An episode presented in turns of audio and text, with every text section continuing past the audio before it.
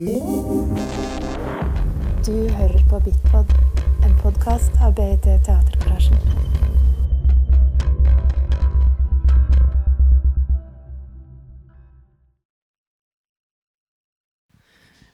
Thank you very much, uh, Helen and uh, Diann.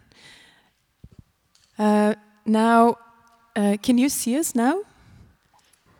Yes. Yes. So for the audience, uh, Helen and Diann can see us through this camera in the corner. And um, uh, for those of you who want to pose questions, um, I'm going to ask you to come and speak into this microphone here.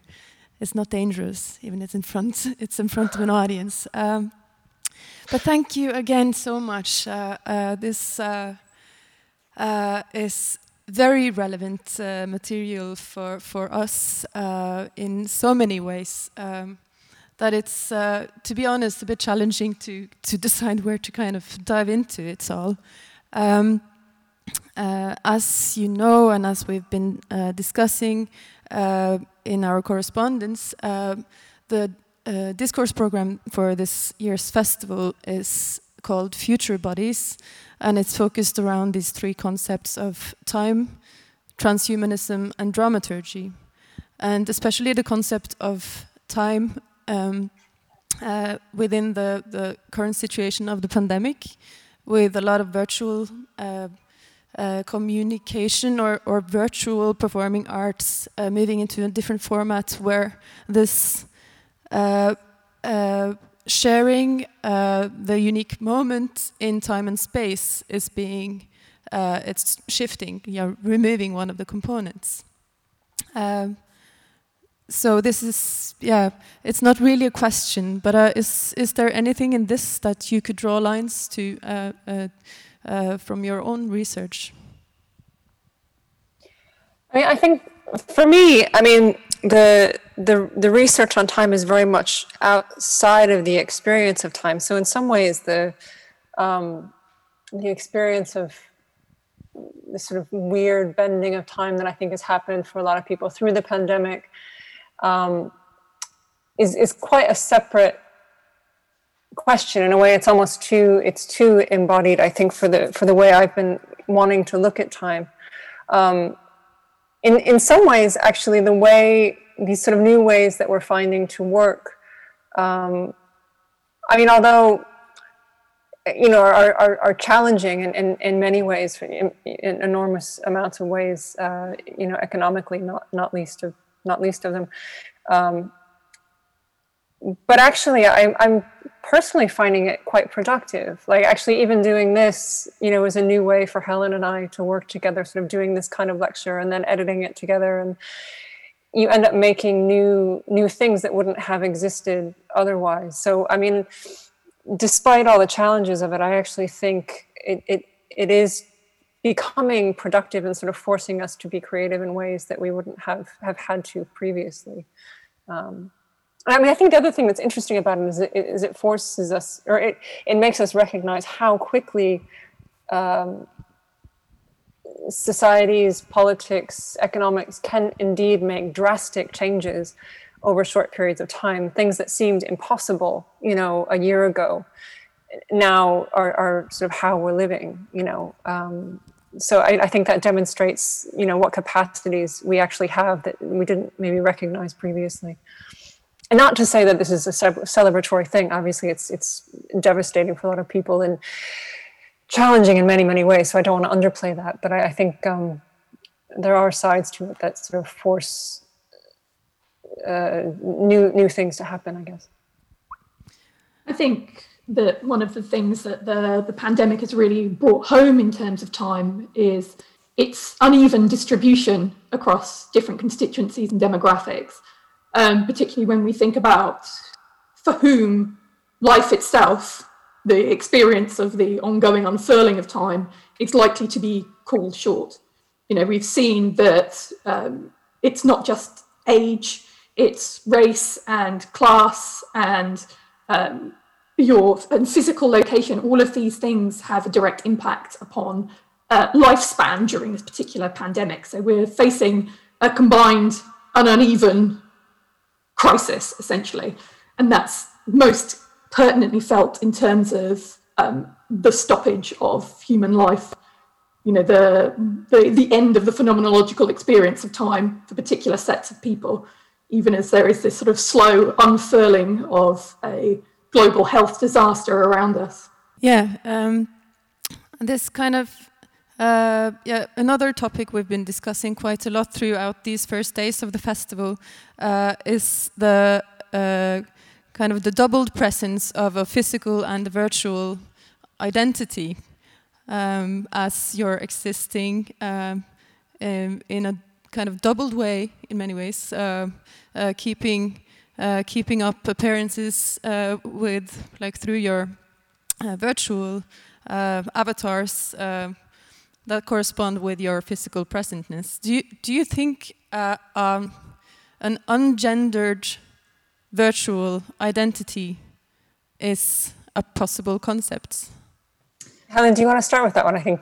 Yeah, yeah, sure. I mean, I think there were in the 90s, in the early days of the emergence of online communication, there was a lot of interest in this idea that the like, technological interfaces would allow us to transcend uh, embodied identity to some extent so that you could you could inhabit different forms of identity in online spaces than you could hope to in the real world.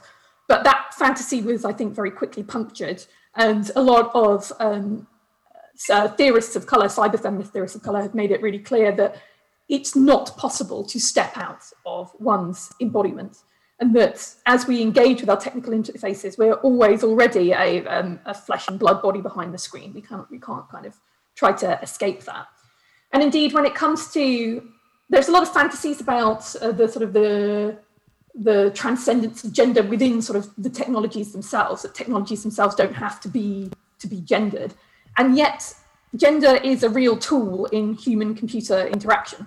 So actually, the way we program gender into machines is very often done in ways that designed to, to sort of play on gender and to sort of maximize our experiences of gender away from the keyboard in the sort of offline world um, and sort of exploit them to make technologies more efficient.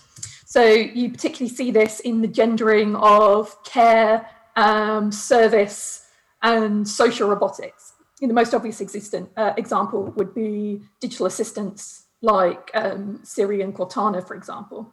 Now, the services that they're providing are, um, are just the provision of information. They are um, knowledge navigators, essentially, and they could have been uh, gendered in any number of ways. In fact, in the 1980s, Apple produced a piece of speculative advertising imagining what uh, knowledge navigators would look like in sort of, I think it was 2008. So they were looking forward into this sort of distant future. And in that advert, what they have is they have a, a sort of a professor in his sort of mahogany clad office um, with a research assistant in his computer who is essentially sort of a cross between like a butler and a research librarian. So he's a, the avatar is a white man in a bow tie um, who provides a kind of a deferential form of service that's very particularly gendered. So it's playing on these ideas of things like the butler and of course, that's there in a lot of Apple interfaces already with you, uh, the sort of the, the iconic uh, gloved hand cursor is of course a reference to um, the, the, housekeeping gloves that, that, butlers wear. So there's this idea of a very particularly a particular kind of elite service that has traditionally been available only to the super wealthy, suddenly becoming available through these um, technologies. And that's playing on a, a, a sort of a masculine idea of service. But the way that it's kind of that direction was largely left kind of untraveled after Ask Jeeves kind of uh, uh, was retired. Um, the, this sort of fantasy of the, the butler or the valet has kind of fallen by the wayside. And actually, what's been seized is this idea of the personal assistant, the secretary, um, the domestic servant, uh, the maid, and the mother kind of combined into one. So we're we see in a lot of advertising and a lot of consumer forums for these technologies that they're consistently gendered. Um, the, the pronouns are sort of uh, she uh, very often, and um, and obviously the the voice settings tend to be uh, to, to be feminine by default. Even if there are other options, feminine will be the default. Feminine is the one that's used in um, the the corporate advertising. and yeah, so it's essentially because the work that's being performed is this is a different kind of gendered service work. It is reminding you when your sister's birthday is and um, telling you that it's your anniversary, so you should pick up flowers. It's um, these sort of scheduling and organizing um, in terms of work life and family life. So it's really at this interface of the productive and the reproductive sphere where wives and secretaries have traditionally sat. Um, so again, it's providing access to a kind of service work that has not traditionally been available to everybody. But it's done in a very gendered way because playing on gender makes the technologies more frictionless for users, or they're supposed to make technologies more frictionless for users. Microsoft actually interviewed a lot of human PAs when they were developing Cortana. And um, Cortana herself is named after um, the feminine AI from the series Halo, who is, of course, despite being a um, disembodied intelligence, is represented by a very sexy, nude looking, kind of blue lady figure. So, yeah, so even if there is the possibility to kind of program gender in different ways into our technologies, that's not happening because the technologies that most people access and use are the ones that are developed by, uh, by corporate bodies. And corporate bodies are more interested in maximizing uh, the utility of the technologies in exploiting existing ideas about offline gendered service work than they are in terms of opening a space of queer experimentation. We can't expect Apple to provide us with a utopian gendered imaginary. It's something that we have to kind of take up and, and, and push for ourselves. So I wouldn't say that there is, I'd say the idea of transcending embodiment is not a productive one to apply to technical or any spheres. Um, but in terms of, reprogramming attitudes to gendered embodiment, there may be a sort of degree of emancipatory possibility within tech, but it's certainly not a given. In fact, the odds are kind of stacked against us in terms of engineering that. And it, if it happens, it's going to be um, from below, essentially, from, from users and from sort of autonomous communities of, of tech designers, rather than in terms of the, the, the people who are currently designing most of these technologies that we use in our daily lives. Thank you. that, that is very, very interesting. Um, uh, in the introduction, uh, I mentioned that we would really uh, love for the audience to engage uh, in this conversation with questions or comments. Uh, and I think if we, we need to, I need to keep my promise. Um, are there any questions at this point? Feel free to take the floor. We still have some time. Or, Danya? It's because we're doing everything very safely because, uh, because of this whole pandemic thing, you know. Um, thank you so much for this contribution. It was amazing to listen to. Um, I have one thought, which I'm not really sure if it actually makes sense, but maybe, yeah, we were speaking a little bit about how yeah, I'm just going to say it, and then maybe you can respond to that, maybe not. Um, I was just wondering, since you were referring to the agenda as workplace technology, I was wondering if there is a potential for something like an unproductive body, or a body that like kind of completely falls out, and what kind of gender that body would have in a way, or how these things could come together. I don't know. Maybe you have some thoughts on that. Yes, thank you. That's a, a very interesting question. I think so. I, I, was involved in a little project recently at Science Gallery London um, around uh, menopause, actually, or, or, rather, it was about gendered transitions. So it was uh, puberty, menopause, uh, sort of uh, ge- gender transition periods in general. Um, and and one of the things that was very interesting, we did a lot of engaging with um, with sort of with, with people talking to them about their experiences of gender transition.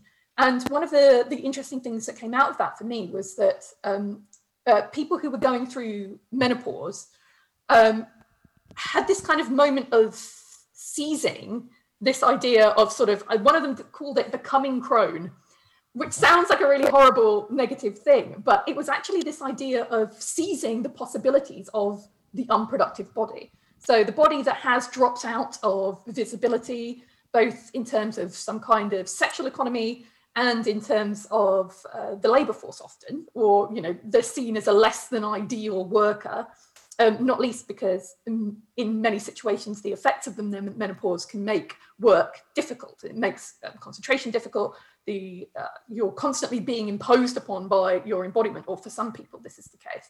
Other people have much easier periods of transition.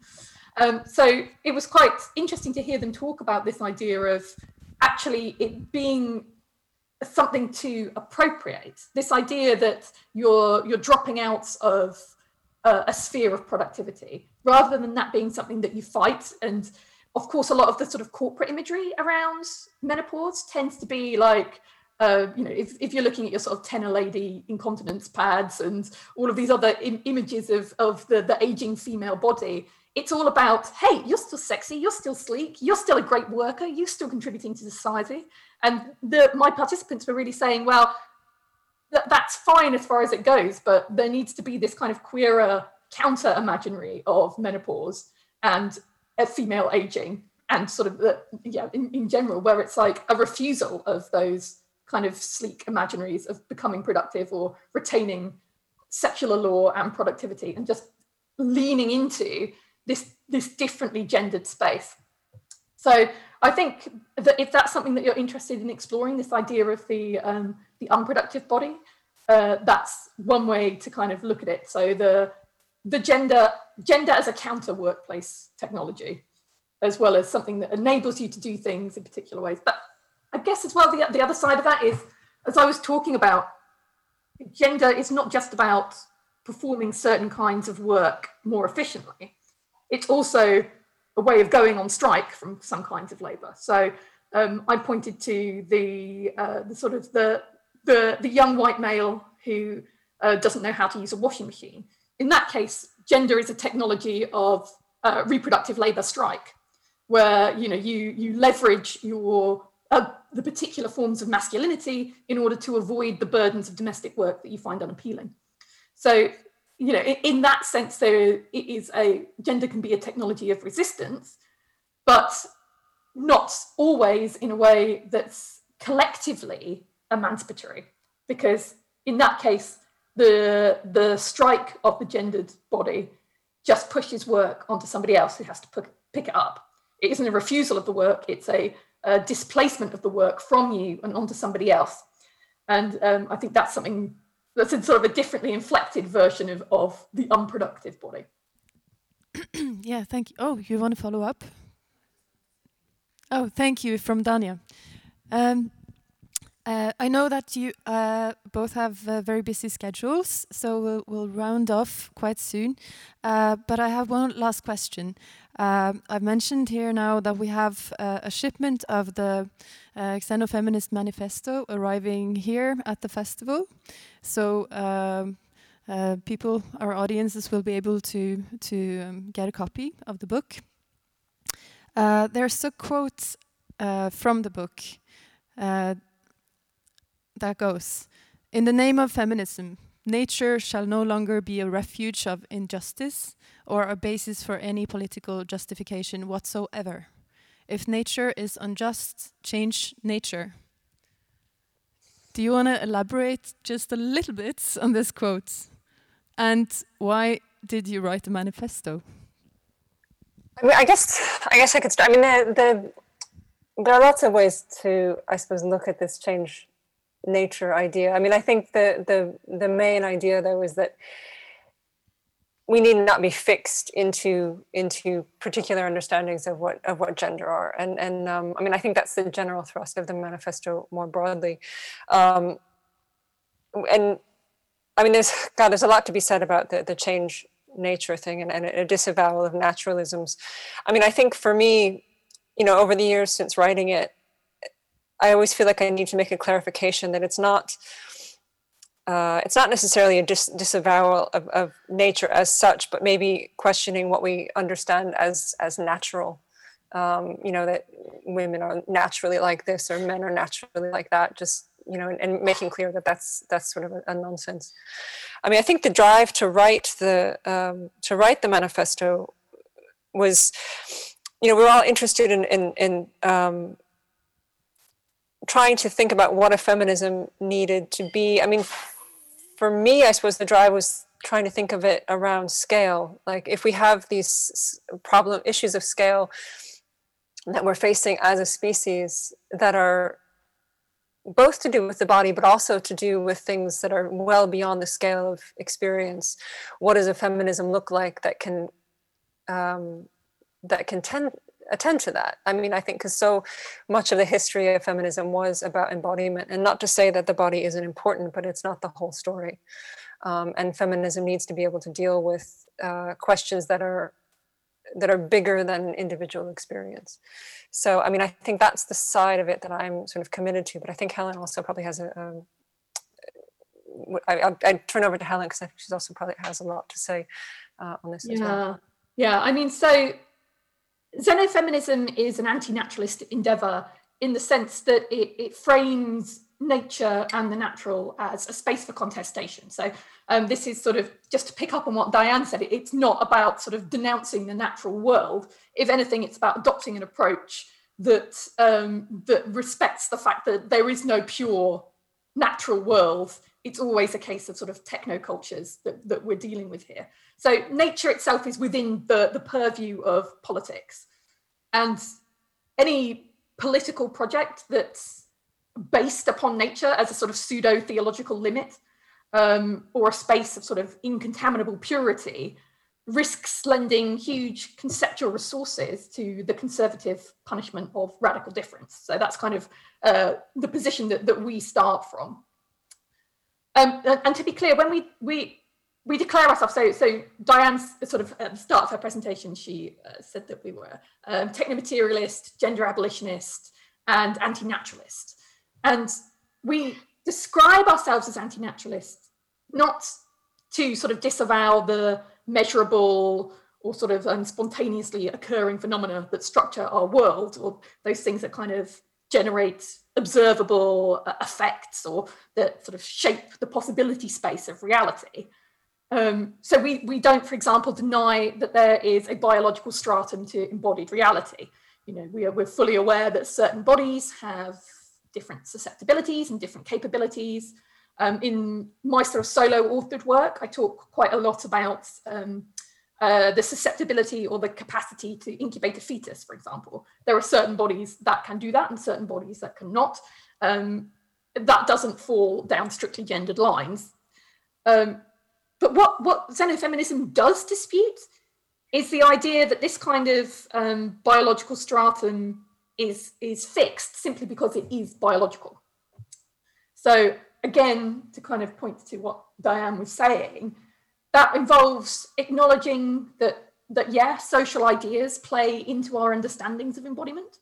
So, um, uh, many notions about, uh, about gender are ideological but then sort of more radically perhaps. And i think this is where xenofeminism perhaps has the capacity to make a particular contribution. Uh, we we frame the terrain of biology as itself rightfully subject to change. So um yeah so, so we kind of uh, revisit the sort of the, the old feminist slogan uh, biology is not destiny and say that yeah biology is not destiny because it can be technologically transformed and it should be transformed in the pursuit of reproductive justice and the progressive transformation of gender. so yeah, so it's when we say that nature is unjust, change nature, uh, we're basically stressing that just because something is discursively positioned as natural doesn't mean that it's in any way untouchable or immutable. We don't have to accept injustice simply because it can cloak itself in a, in a veil of apparent naturalism. And uh, I think that represents a sort of um, an extension of the sphere into which political intervention can be made. And it also means that you don't suddenly come up against hard limits. So you can get into very frustrating conversations about, for example, gender, where people say, oh, well, it's just natural, and point to that as the end of a conversation and so now that doesn't that doesn't become the end of a conversation. You don't have to get drawn into long discussions about whether or not something is natural or not. You just say well just saying that it's natural doesn't do anything politically. It doesn't mean anything in terms of what it could how it could transform what it could be the kinds of intervention that we could make. So it becomes quite a helpful way to short circuit um, frustrating uh, dead ends in terms of arguing with um, with transphobic feminists, for example. Thank you very much. Um, I think these are uh, good words to to uh, end this Q and A with, and uh, and uh, I want to thank you for your time. I look at you this time. Thank you so much for spending uh, this hour with us. Very highly appreciated. Thank you very much, and uh, thank you all for coming. Yes, thank, thank you. you. Thank you for having us, and thank you for being here.